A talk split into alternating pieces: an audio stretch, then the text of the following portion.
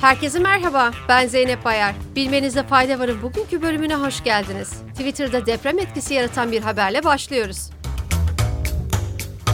Twitter'ın yeni sahibi Elon Musk, şirketin yöneticiliğini üstlenecek kadar aptal birini bulur bulmaz Twitter CEO'luğu görevinden istifa edeceğini, sonrasında ise sadece yazılım ve sunucu ekiplerini yöneteceğini açıkladı.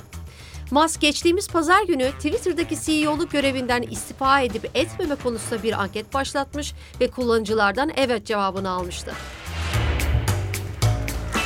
Twitter'la alakalı bir haberimiz daha var. ABD Federal Ticaret Komisyonu'nun artan gizlilik ve güvenlik endişeleri üzerine Twitter'a yönelik incelemeleri derinleştirdiği bildirildi.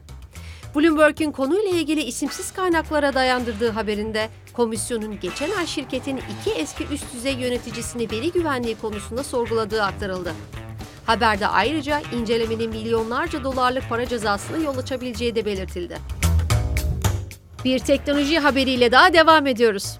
Avrupa Birliği Komisyonu, Amazon'a karşı yürütülen rekabet soruşturmalarının firmanın yasal olarak bağlayıcı taahhütlerde bulunması ile birlikte kapatıldığını açıkladı. Komisyondan yapılan açıklamada Amazon'un platformunda bulunan şimdi al ve sepete ekle butonu olarak bilinen buyback seçeneğinde bütün satıcılara eşit davranmayı kabul ettiği belirtildi.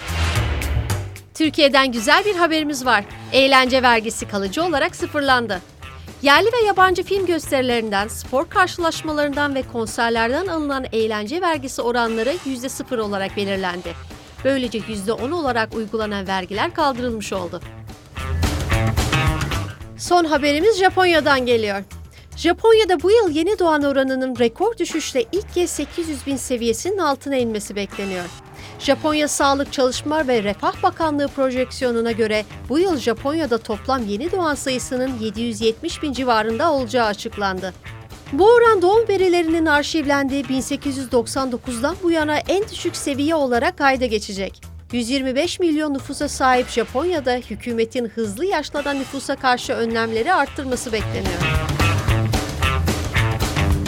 Bilmenizde fayda varın. Bugünkü bölümünün sonuna geldik. Yarın tekrar görüşmek üzere. Hoşçakalın.